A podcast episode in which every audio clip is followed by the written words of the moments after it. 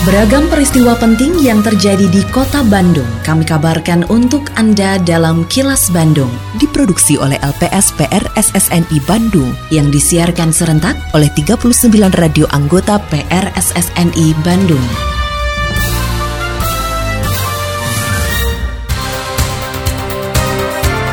Sejumlah informasi aktual kami hadirkan untuk Anda dan inilah informasi utamanya.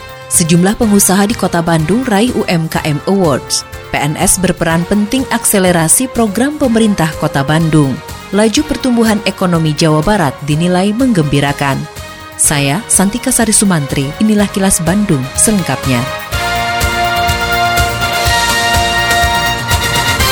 Pemerintah Kota Bandung memberikan penghargaan kepada 13 pelaku usaha mikro, kecil, dan menengah atau UMKM pada ajang UMKM Awards yang digelar oleh Dinas Koperasi dan UKM Kota Bandung. Penghargaan diberikan kepada pelaku UMKM dari sejumlah kategori antara lain subsektor kuliner, kria, fashion, jasa, dan produk lainnya. Dalam sambutannya usai memberikan penghargaan, Sekretaris Daerah Kota Bandung Emma Sumarna mengucapkan selamat kepada para pemenang. Emma merasa optimis potensi UMKM di Kota Bandung sangat mumpuni karena didukung oleh SDM yang unggul. Selain itu, aktivitas ekonomi di kota Bandung terus tumbuh. Hal ini ditunjukkan oleh laju pertumbuhan ekonomi atau LPE di kota Bandung yang mencapai 5,41 persen. Sehingga kami sangat mengapresiasi dan mengucapkan selamat kepada para pemenang yang sudah diberikan apresiasi. Baik itu di kelompok craft, baik itu di kelompok kuliner, kemudian juga di kelompok fashion, ada di kelompok jasa, dengan label apakah itu lokalitas,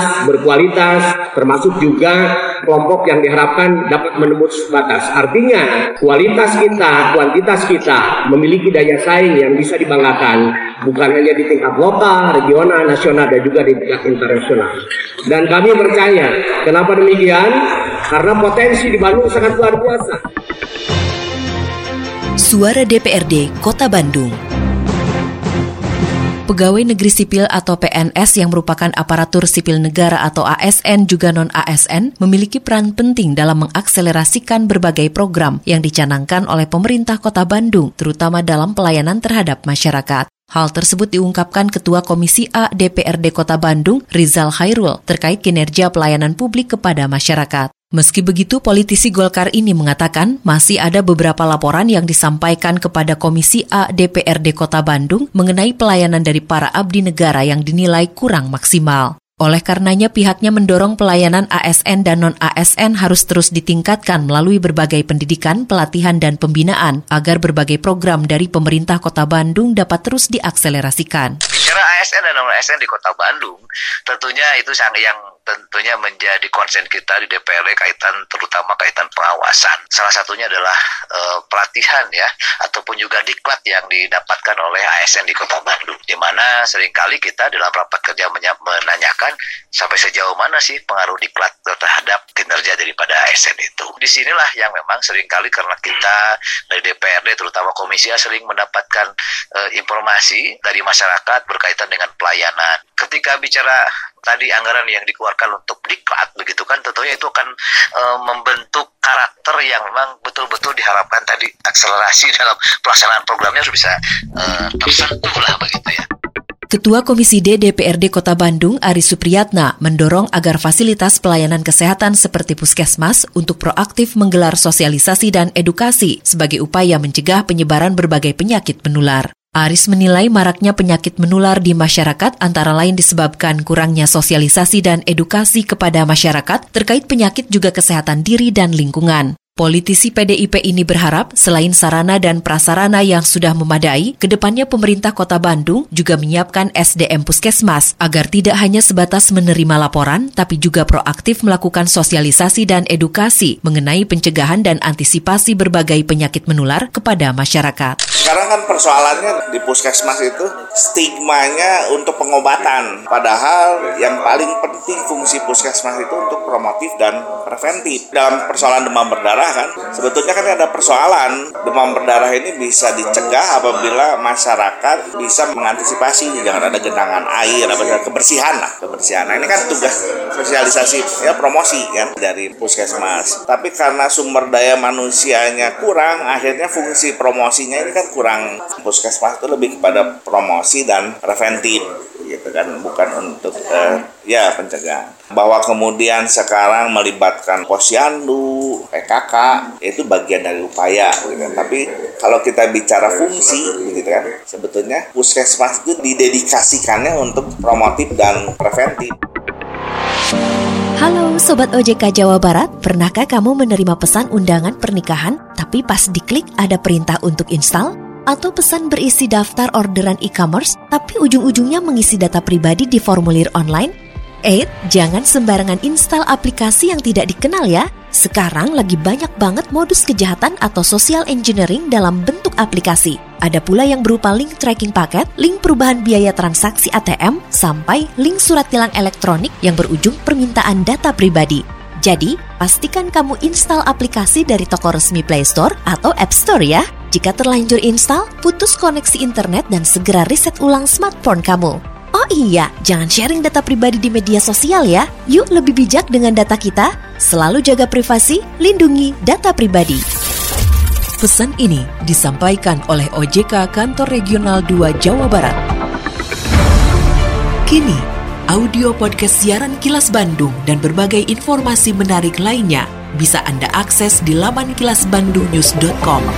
Laju pertumbuhan ekonomi atau LPE Provinsi Jawa Barat dinilai cukup menggembirakan. LPE Jabar pada triwulan kedua tahun 2023 tumbuh 5 persen lebih atau di atas rata-rata angka nasional. Kepala Kantor Perwakilan Bank Indonesia Provinsi Jawa Barat Erwin Gunawan Hutapea mengakui angka LPE pada triwulan ketiga sempat mengalami perlambatan. Meski begitu pada triwulan berikutnya hingga akhir tahun diprediksi pertumbuhannya kembali mencapai 4 hingga 5 persen lebih. Erwin mengatakan pertumbuhan pada akhir tahun akan didorong kegiatan ekonomi seiring datangnya Natal dan Tahun Baru. Di kuartal 3 nampaknya memang kita akan sedikit uh, slow down tapi kami optimis di kuartal 4 kita akan memiliki HBKN Nataru sehingga kegiatan ekonomi akan kembali menggeliat sehingga in total di 2023 kita memperkirakan ekonomi Jawa Barat masih bisa tumbuh di sekitaran 4,7 sampai 5,5 persen. Pemerintah Provinsi Jawa Barat optimis bisa meraih pertumbuhan ekonomi yang positif ke depan. Salah satu indikatornya adalah laju pertumbuhan ekonomi Jawa Barat pasca pandemi COVID-19 yang selalu menunjukkan tren positif. Staf ahli Gubernur Bidang Ekonomi Pembangunan Setda Provinsi Jawa Barat, Dodo Suhendar mengatakan, pemerintah Provinsi Jawa Barat akan terus berkolaborasi dengan berbagai pihak, termasuk Bank Indonesia, untuk mempertahankan bahkan meningkatkan laju pertumbuhan ekonomi. Menurutnya hal ini perlu dilakukan karena bermuara kepada meningkatkan kesejahteraan masyarakat. Dan beberapa harapan baru dengan tadi judulnya penguatan ekonomi daerah dan juga perluasan digitalisasi, maka kita akan uh, optimis ya. Kita merasa ke depan itu semakin membaik dengan tadi bagaimana kita mengembangkan ketahanan ekonomi Jawa Barat termasuk tadi bagaimana perluasan di Jabar Selatan yang saat ini Jabar Utara sedang kita bangun juga dengan penguatan tadi digitalisasi. Sampurasun, wargi kota Bandung, dalam rangkaian hari jadi ke-213 Kota Bandung, Disbudpar Kota Bandung menyelenggarakan acara Bandung Grid Sale 2023 yang diawali kick-off pada tanggal 27 September 2023. Ikuti juga Lomba Filter Instagram Challenge berhadiah menarik dengan mengunjungi Instagram @tic.bandung Selain itu, mulai 10 Oktober sampai 18 November 2023 digelar Pesta Diskon Bandung Grid Sale 2023 yang diikuti 1000 lebih merchant di Kota Bandung, mulai dari mall, perhotelan, resto, kafe, dan pusat perbelanjaan lainnya. Pembelanjaan minimal Rp100.000 dan berlaku kelipatan akan mendapat kupon undian dengan hadiah satu unit mobil Daihatsu Sigra dan hadiah menarik lainnya. Pengumuman pemenang dilakukan di akhir penutupan acara tanggal 18 November 2023 di Cihamplas Walk yang dimeriahkan hiburan menarik. Penampilan dari Saung Angklung Ujo dengan bintang tamu Geisha. Ayo datang ke kota Bandung, ajak keluarga dan saudara berbelanja di program Bandung Grid Sale 2023 untuk membantu meningkatkan perekonomian di bidang pariwisata kota Bandung. Iklan layanan masyarakat ini dipersembahkan oleh Dinas Kebudayaan dan Pariwisata Kota Bandung. Terima kasih Anda telah menyimak kilas Bandung yang diproduksi oleh LPSPR SSNI Bandung.